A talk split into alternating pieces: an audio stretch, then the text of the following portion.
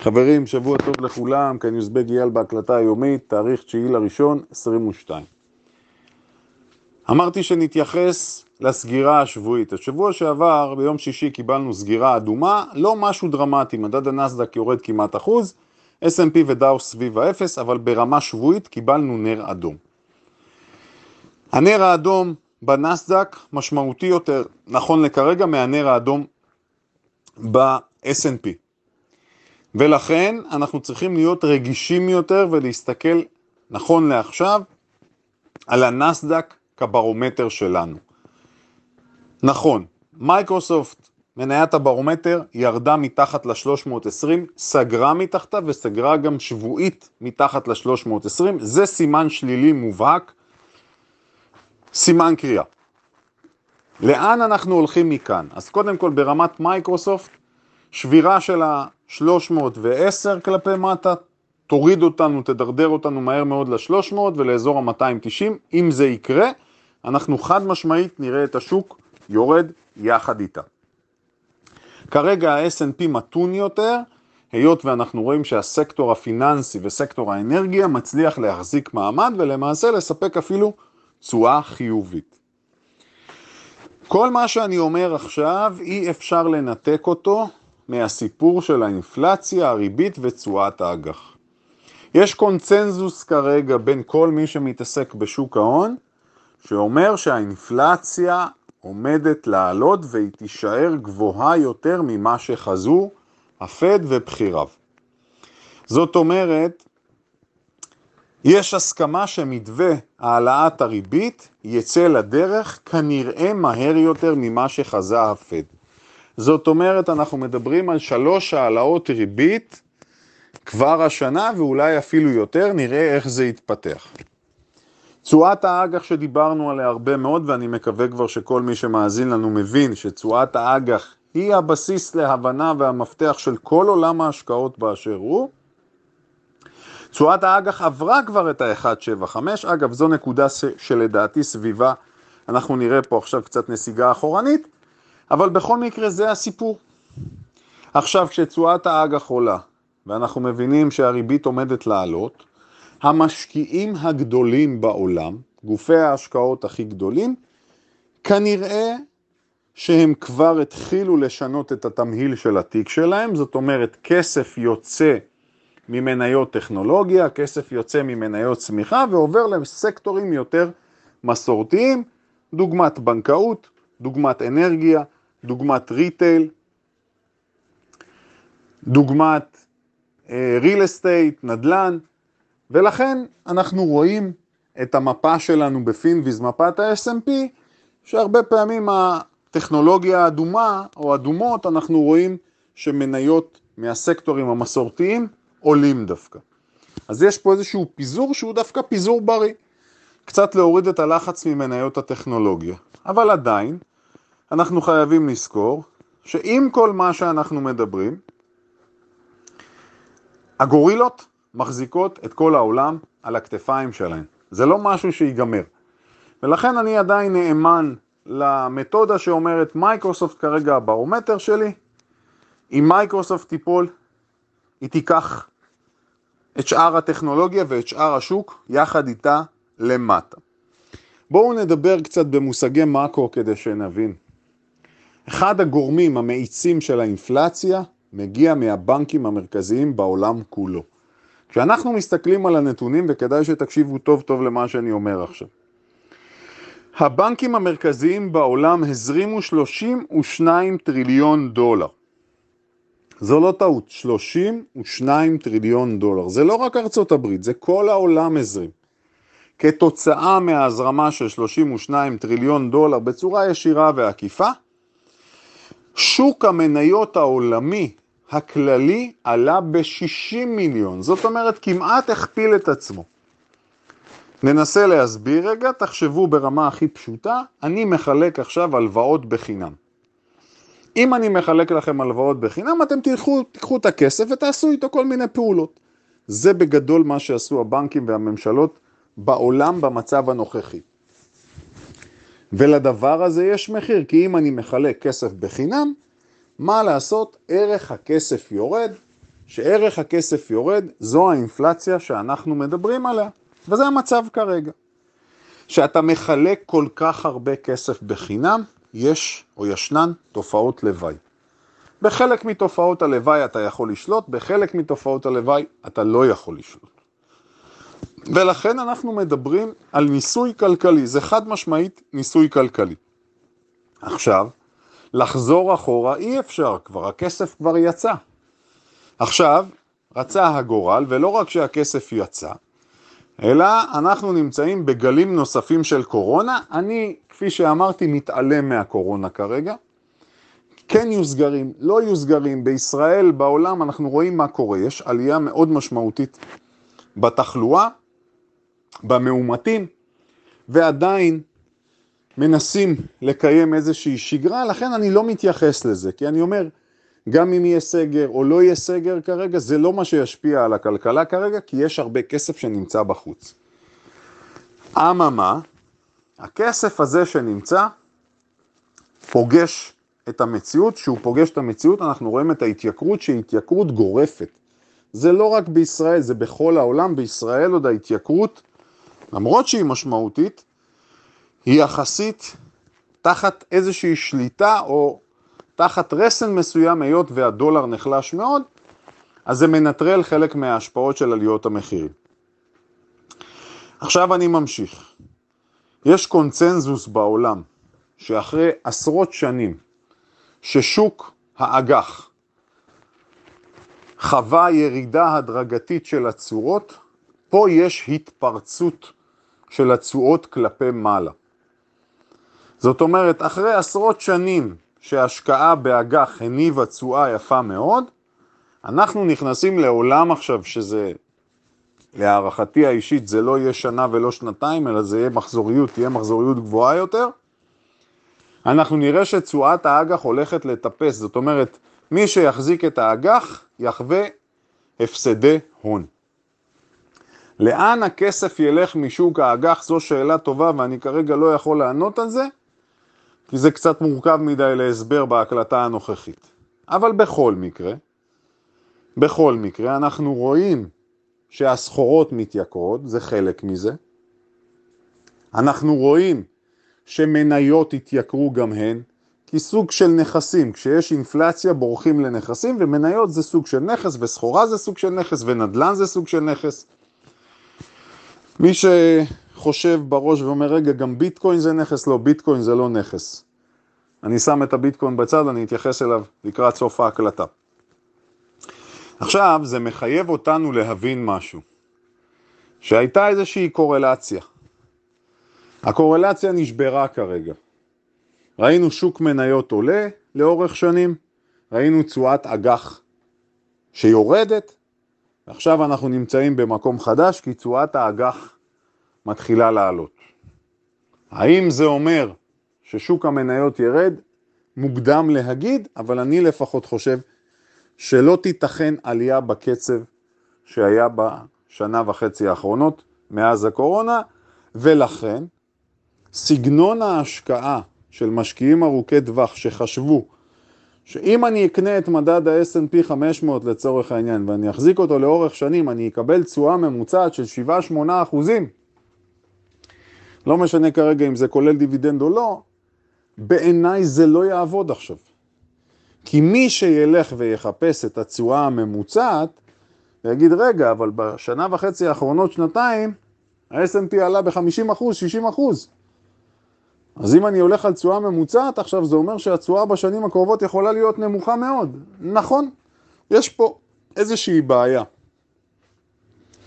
ולכן צריך לחשוב טוב טוב, ואמרתי את זה במשך כבר חודשיים שלושה, אני חוזר ואומר, צריך לחשוב טוב טוב עכשיו לאן לנתב את הכסף, גם בתוך שוק המניות עצמו וגם באופן כללי.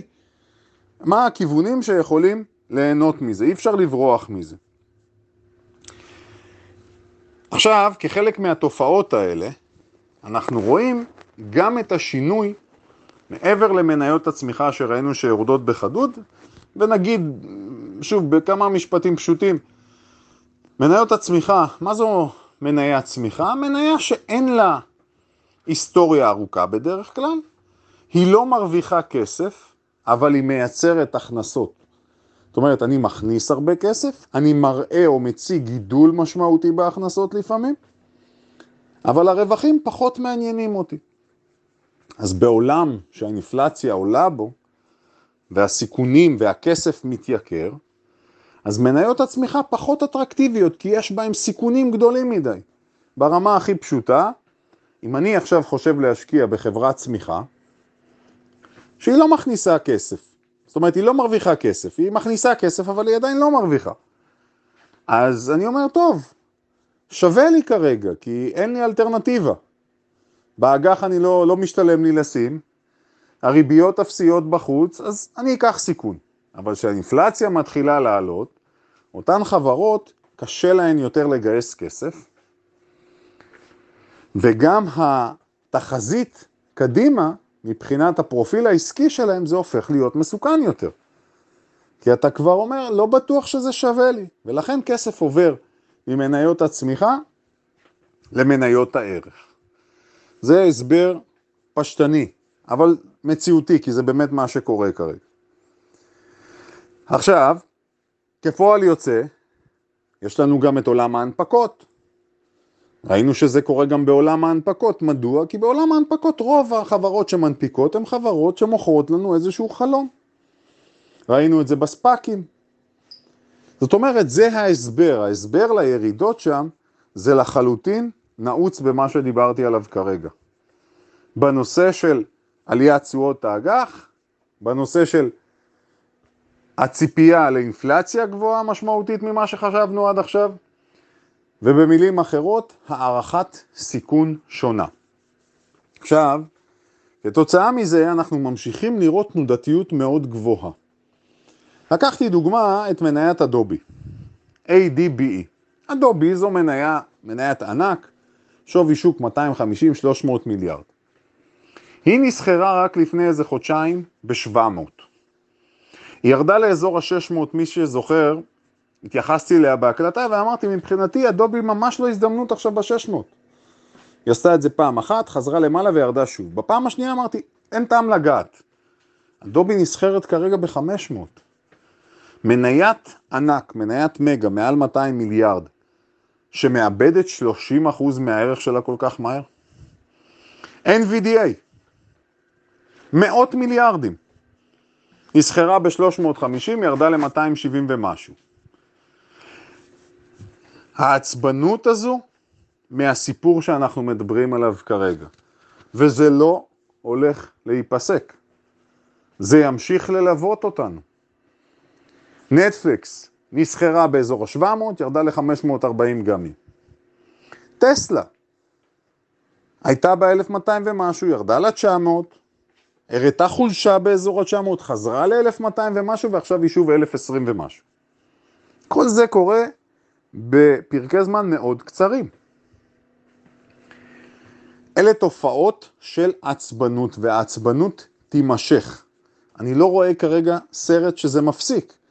היות ואף אחד באמת לא יודע לאן אנחנו הולכים עם הסיפור הזה של האינפלציה וכמה חזק זה יתפוס אותנו. זה מה שעומד על הפרק עכשיו. אני יכול שוב להגיד לכם עדויות מהשטח שהכל מתייקר.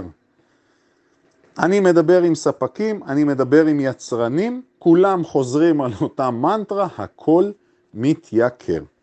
זה לא משנה אם זה ענף הקמעונאות, זה לא משנה אם זה ענף המזון, זה לא משנה אם זה ענף הבנייה, זה לא משנה אם זה ענף הרב, הרכב, ואתם יודעים מה הדבר שממשיך להעיב?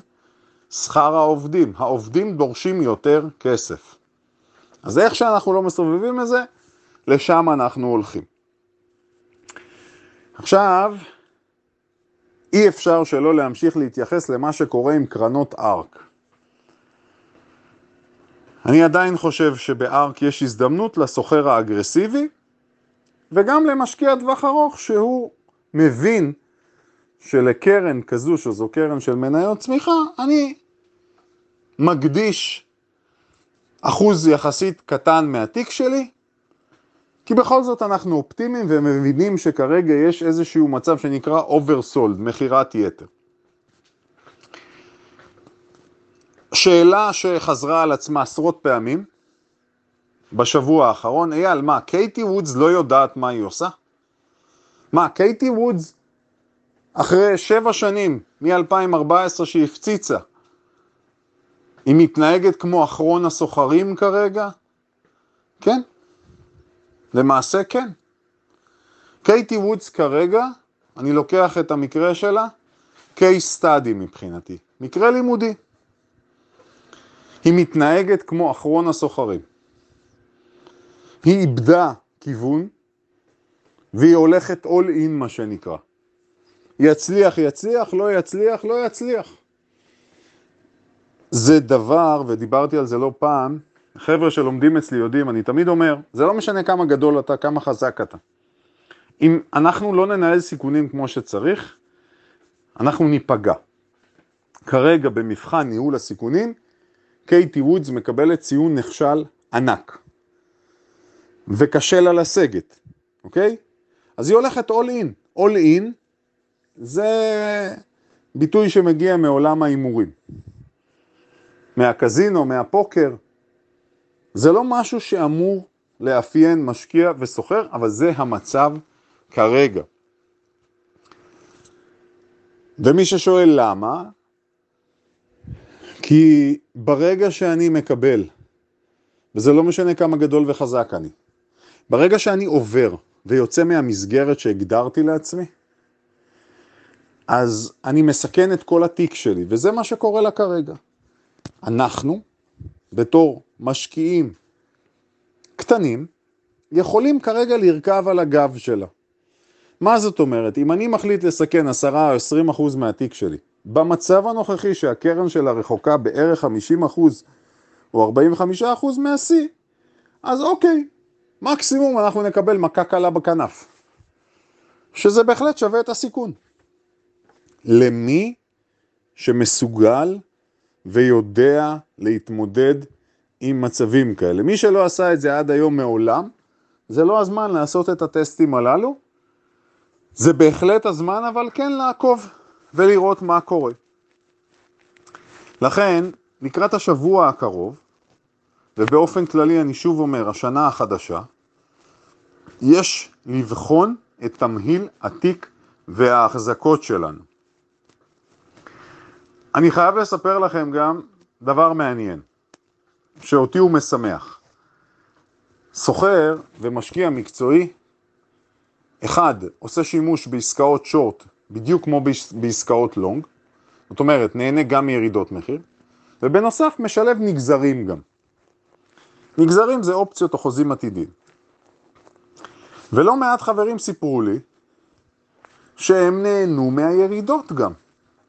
כי כשמניות הצמיחה התנפחו בצורה לא פרופורציונלית, ניתן היה להרוויח הרבה מאוד כסף משורטים על אותן מניות.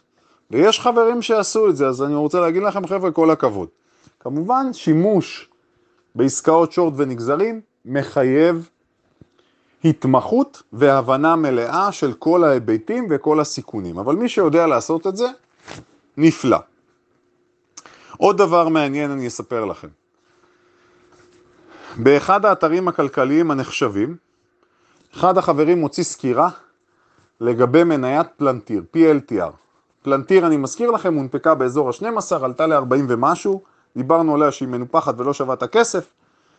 החברים היו מושקעים שם חופשי חופשי. ויכוחים, סיפורים, כן נעתה, כן שווה, לא שווה, סגרה חוזה, לא סגרה. ועכשיו אותו בחור מוציא איזושהי סקירה והוא אומר שלהערכתו המחיר ההוגן שלה היא חמישה דולר. הוא, סליחה, חמישה דולר. עכשיו לך תסביר למישהו שמסתכל מהצד ורואה שמניה מטפסת מ-10-12 ל-45 דולר, עכשיו המחיר שלה 16-17, לך תסביר שמוציאים עכשיו אנליזה שאומרת שהיא שווה 5 דולר. זה מבלבל אותך לגמרי. ולכן אני אומר, כשאנחנו מקבלים החלטות, אנחנו צריכים להיות שלמים ממה שאנחנו מקבלים, ולא להסתכל על רעשים מבחוץ. שיהיה לכולנו שבוע מסחר מוצלח ומהנה.